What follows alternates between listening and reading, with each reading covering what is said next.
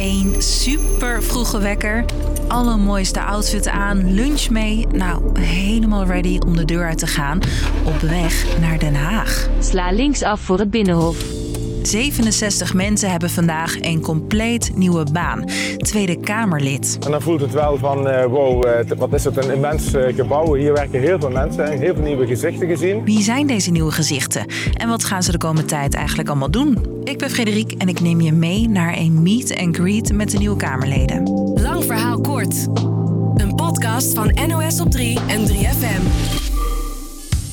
De PVV is de grootste partij. Van 17 naar 35 zetels.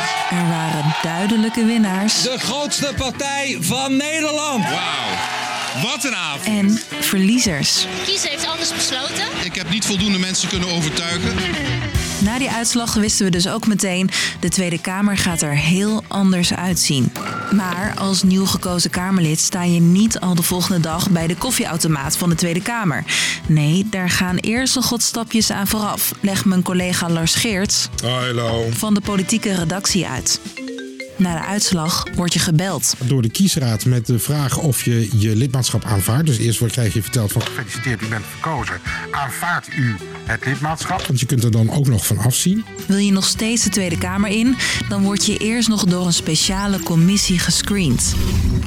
Of je wel in Nederland woont bijvoorbeeld. En sommige andere baantjes zijn een no-go, zoals het leger. Want de politiek is de baas van het leger. En je kunt niet en in de politiek en dan over jezelf beslissen. Ben je door die screening? Dan ben je er bijna. Eerst nog de officiële beëdiging. Ik verzoek het lid van wie de naam wordt afgeroepen op te staan en de eed, dan wel de verklaring en belofte af te leggen. Je belooft dat je trouw blijft aan de grondwet en alle plichten zult vervullen die het Kamerlidmaatschap vereisen. Ik ben Veet Bruining en ik ga voor het eerst de Tweede Kamer in. Mijn naam is René Klaassen, 52 jaar en ik kom nu nieuw in de Tweede Kamer. Ja, en wie komen er naast Faith en René nog meer in de Tweede Kamer terecht? Eén ding dat opvalt, er zijn nu meer mensen in de Kamer met maximaal een mbo-diploma op zak. We hebben nu een supermarktmanager uh, uh, in de Kamer en een kermisexploitant, allebei bij de PVV. Wat valt er nog meer op, Lars? Er zaten meer mensen met een migratieachtergrond in de Kamer, maar omdat vooral partijen aan de linkerkant, waar uh, veel van deze personen te vinden waren, hebben verloren, zie je dat dat aantal enorm is afgenomen. Het aantal mensen met een biculturele achtergrond was 28 en nu is dat 24. Oké. Al deze mensen beginnen aan een compleet nieuwe baan. Zoals René dus, die je net al hoorde. Hij werkte eerst op een hogeschool, maar nu moet hij wetten maken en debatten voeren. Nou, gelukkig wordt iemand als René niet aan zijn lot overgelaten. Vandaag hebben we cursussen uh, over het reglement van orde van commissies, uh, van het uh, plenaire debat, hoe dat gaat. Nieuwelingen krijgen een spoedcursus Kamerlid. Want het is niet iets waarvoor je naar school kunt. Maar gebrek aan ervaring heeft wel invloed op hoe ze hun werk in de Kamer doen, zegt Lars. Je ziet gewoon dat als er veel nieuwe Kamerleden zijn, dat een, een kabinet uh, dan heel veel ruimte krijgt. En de controle uh, op zo'n kabinet gewoon in de praktijk wat minder is. Oké, okay, ja, toch is er geen tijd te verliezen. Naar alle basics. Je moet inlogcodes voor je computer hebben. Je krijgt een iPad, je krijgt een nieuwe telefoon. Je krijgt uh, beveiligingsinstructies, dat is ook heel belangrijk. Ga je gelijk aan de bak. De eerste klus, een vervanger vinden voor... Ik sluit nu echt de vergadering. Vera Bergkamp, de Kamervoorzitter. De Kamer schrijft alvast een vacaturetekstje voor de nieuwe opvolger. Dus wat moet hij kunnen, wat moet hij doen?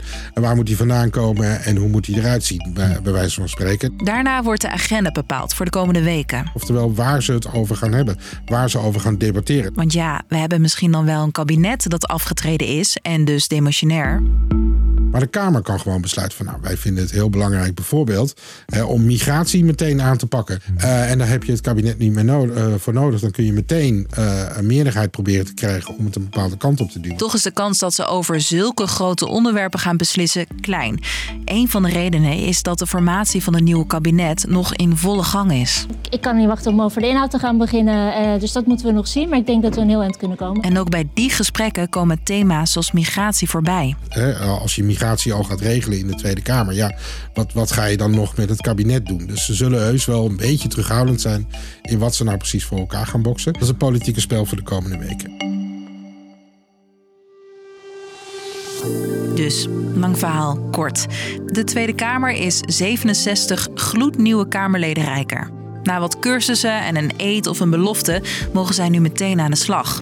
De kans dat ze de komende tijd echt grote onderwerpen gaan oppakken is klein. Door de formatie van het kabinet ligt dat nog soms gevoelig. Afscheid nemen is nooit makkelijk. Ja, toch gaan we het wel doen, want deze podcast zit erop. Morgen zijn we er gewoon weer.